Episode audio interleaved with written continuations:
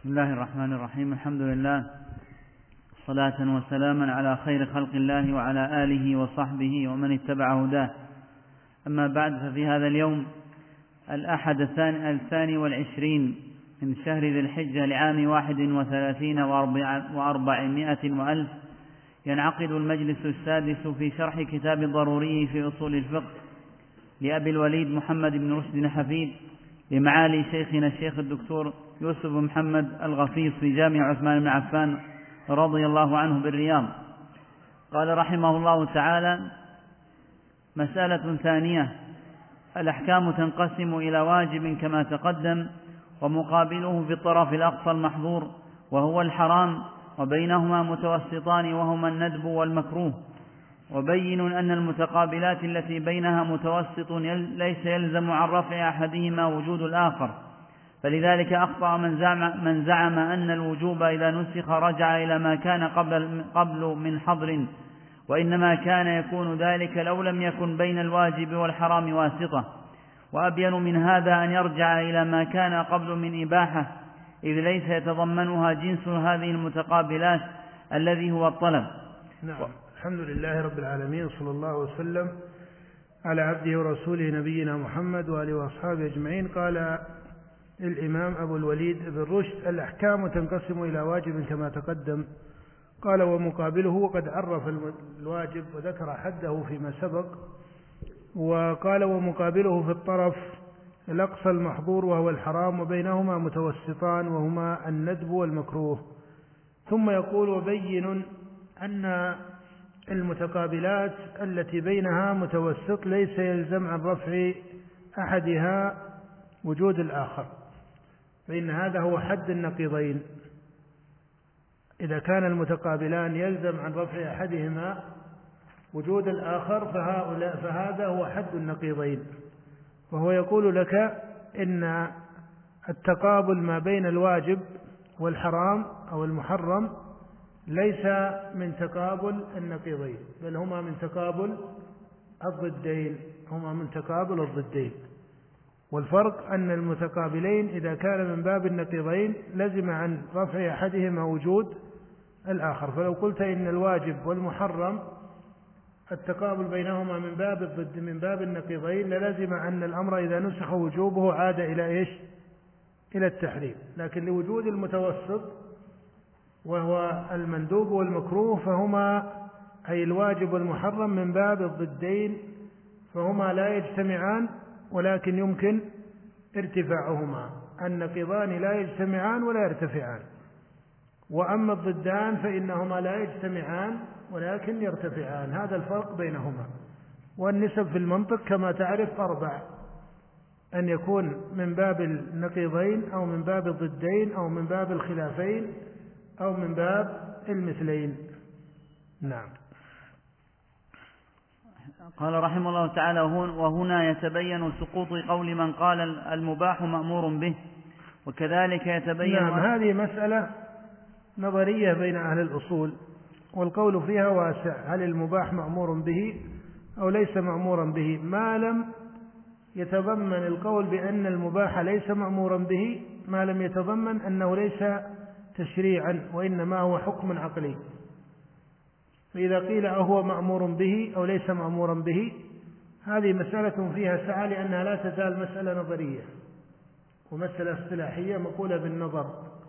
أما إذا تعدت إلى التطبيق أو التشريع بحكم للمباح من جهة صلته بالشريعة وأن المباح لا يدخل في تشريع الشارع وإنما هو من حكم العقل فهنا يقال بأن المباح حكم شرعي ومأمور به على هذا الترتيب. إذا قدر أو إذا أريد بكونه مأمورا به أنه تشريع ليس حكما عقليا لأنه عن المباح وإن كان لا طلب فيه. والمسألة في جملتها نظرية كما أسلفت إنما المحقق في مسألة المباح أنه حكم من الأحكام الشرعية ولا يجوز جعله عقليا لأن الله هو الذي قضى به. وهو الذي شرع حكمه كما شرع ما وجب وشرع ما حرم سبحانه وتعالى وشرع ما كره. إن الله كره لكم قيل وقال كما قال النبي صلى الله عليه وسلم. فكذلك ما أحل فإن الذي أحله هو الله. ومن هنا جاء قول الله تعالى ذاكرا هذا الحكم على أنه من حكمه سبحانه ليس من حكم العقل. في قوله جل وعلا يا أيها النبي لم تحرم؟ ما أحل الله لك مع أن المقصود هنا شرب النبي العسل كما في الصحيحين في قصة ذلك وسبب نزول الآية. وتعلم أن العسل ليس مما ابتدأت الشريعة إباحته بالتعيين إنما هو داخل في عموم الأعيان المباحة المنتفع بها. ومع ذلك لما قام حكمه وسبب ذكره أضيف حكمه إلى الله جل وعلا بعينه قال لم تحرم ما أحل الله لك؟ وقوله سبحانه وتعالى ولا تقولوا لما تصف ألسنتكم الكذب هذا حلال وهذا حرام. هذا حلال وهذا حرام. فدل على أن الأحكام تبتدأ من عند الله سبحانه وتعالى. الذي يشرع الأحكام ويشرع الأحكام هو الله. كما قال سبحانه شرع لكم من الدين ما وصى به نوحا. وسبق نشرنا إلى أن اللبس في المباح جميعه هل هو مأمور به؟ هل هو تكليف؟ هل هو هل فيه طلب؟ هل كذا؟ تولد جميع هذا اللبس عند الأصوليين رحمهم الله من تسميتهم الأحكام الخمسة أحكاما تكليفية. هم لو لم يسموها تكليفية لما ورد عليهم هذا السؤال. لأنه إذا قالوا تكليف التكليف فيه طلب. قالوا فأين الطلب في المباح؟ والتكليف في أصل اللغة فيه مشقة طلب فيه مشقة. فأين المشقة في المباح؟ ومن هنا بعضهم أخرج المباح عن الأحكام التكليفية. قال لأنه لا تكليف فيه. كل هذا تولد عن هذا الاصطلاح المشكل. وإلا لو سموا هذه الأحكام أحكام التشريع الخمسة وميزوها عن الحكم الوضعي بوجه آخر لما ورد هذا الإشكال. وهذا الأنسب فيها عقلا وشرعا أنها أحكام تشريع كما قال الله جل وعلا شرع لكم من الدين ما وصى به نوحا. والصحابة كانوا يقولون على هذا الاسم كما قال ابن ابن مسعود رضي الله عنه إن الله شرع لنبيكم سنن الهدى وتمييزه عن الحكم الوضعي الصحة والفساد ونحوها يأتي بوجه آخر. لكن الشريعة ليست في جميع مواردها على هذا المعنى. والحقيقة أن الإراد الذي أوردوه على المباح يتسلسل حتى في المكروه. إن المكروه لا مشقة فيه. لأنه مخير بين الفعل والترك وإن كان تركه راجحا. والمباح فيه نوع تخيير. ووجه التخيير فيه أن فعله عفوا والمندوب فيه نوع تخيير. وإن كان التخيير الذي في المندوب ليس مطابقا للتخيير الذي في المباح. لكن فيه نوع تخيير من جهة أنه لو ترك المندوب لما لحقه عقوبة من الشارع ولا إثم. ففيه نوع تخيير فلا مشقة فيه. بل حتى الواجب والمحرم إذا نظرت إلى أعيان الواجبات وأعيان المحرمات ما وجدت فيها تكليفا بمثل هذا المعنى الذي توجبه اللغة في تسميتهم للحكم تكليفا. لأن من الواجبات بل جمهور الواجبات مناسبة للطبيعة لا تنازعها الطبيعة الآدمية. وإن كان بعض الواجبات قد تنازعها بعض الطبيعة الآدمية لقصور هذه الطبيعة. وإلا من تستقيم نفوسهم استقامة صحيحة لا تجد أن نفوسهم تنازعهم في هذا. فمن نازعته نفسه مثلا بشيء من المحرمات لا لكون هذا المحرم على خلاف طبيعة النفس المعتدلة. بل هو على خلاف طبيعة النفس الأمارة بالسوء. ولهذا لا يعرض للأنبياء عليهم الصلاة والسلام وأئمة الصالحين أن تنازعهم نفوسهم في الإتيان لهذه المحرمات. بل يجدون الراحة في تركها كما يجدون السعادة والطمأنينة في فعل الخيرات وما إلى ذلك. ومن هنا سمى الله جل وعلا ما أحله الله طيبات وما حرمه خبائث.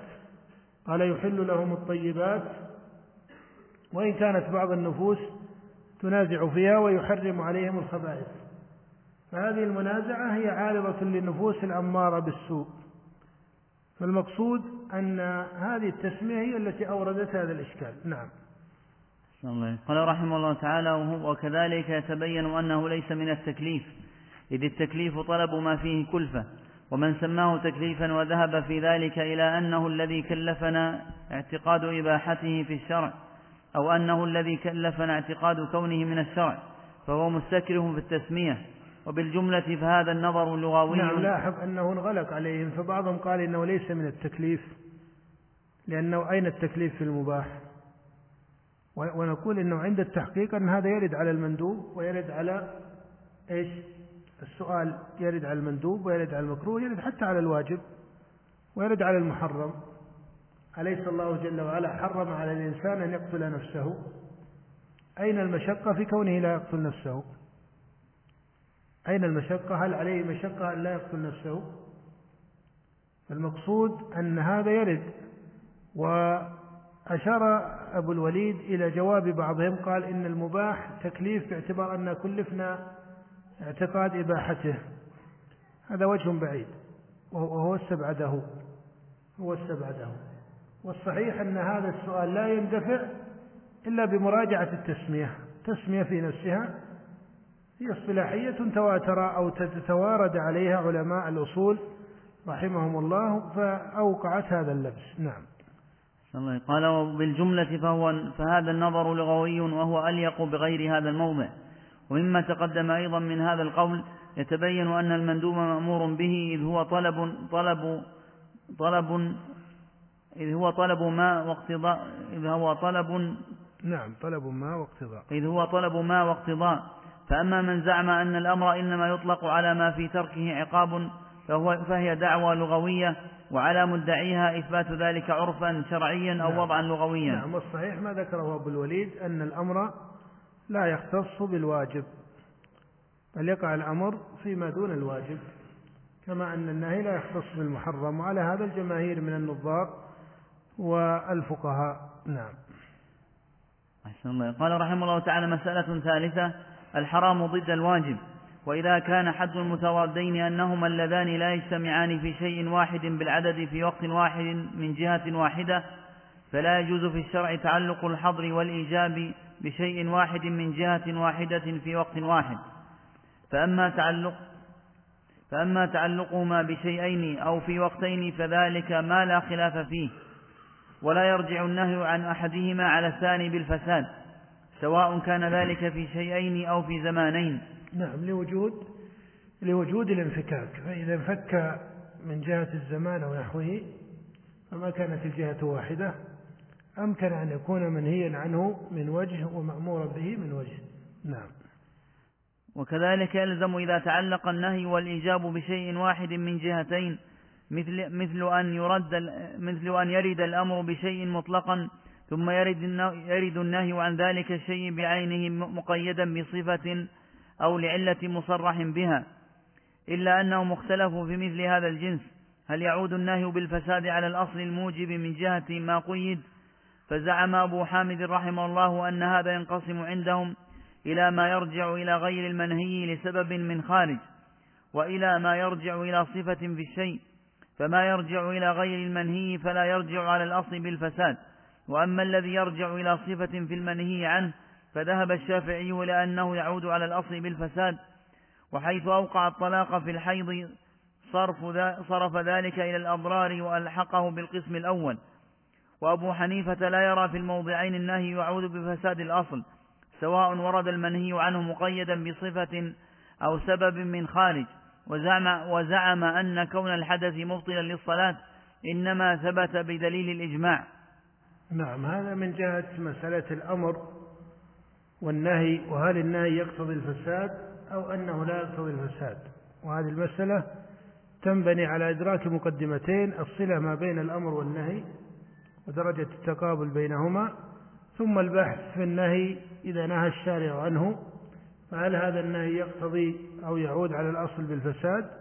فيشير أبو الوليد إلى أنه قد يكون النهي لأمر خارج أو لوصف ذاتي. وذكر طريقة الشافعي وطريقة الإمام أبي حنيفة ومثل بمسألة الحيض ومسألة نقض أو أو إبطال الصلاة بالحدث. آه، في كثير من التقعيد عند الأصوليين رحمهم الله لا يلزم أن المثال يكون منطبقا عند من سمي مذهبه من الأئمة على هذه الطريقة. لا يلزم أن يكون منطبقا عن المثال كمسألة الحيض هنا فإن فيها خلاف معروف بين الفقهاء ولا يلزم أن تكون مفرعة على هذا التقدير من الأصل. نعم. قال رحمه الله تعالى وأنا أرى أن النظر في هذه المسألة إنما هو من جهة صيغة لفظ النهي فإن من يدل عنده لفظه لفظة إيجابه مطلقا قرينة تخرج النهي عن الحظر إلى الكراهة وأكثر من ذلك وروده في شيء لأمر ما من خارج بعد إيجاب ذلك الشيء مطلقا وسنتكلم في هذا فيما بعد. وأما إذا نظر فيها من حيث المعنى فإن ورود النهي عن الشيء مقيدا بأمر ما سواء كان سببا أو صفة بعد إيجابه مطلقا فإنه يعود على الأصل بالفساد من جهة ما هو مقيد. والذي فهمتها هنا من ورود النهي عن الشيء مقيدا بعد إيجابه مطلقا هو بعينه ينبغي أن تفهمه في ورود الإيجاب بشيء ما مقيدا بعد النهي عنه مطلقا. والعجب من أبي حامد كيف جعل النظر في هذه المسألة في هذه المسألة في هذا الجزء من هذا الكتاب. نعم نقف على هذا وبالله التوفيق صلى الله وسلم على نبينا محمد وآله وأصحابه أجمعين.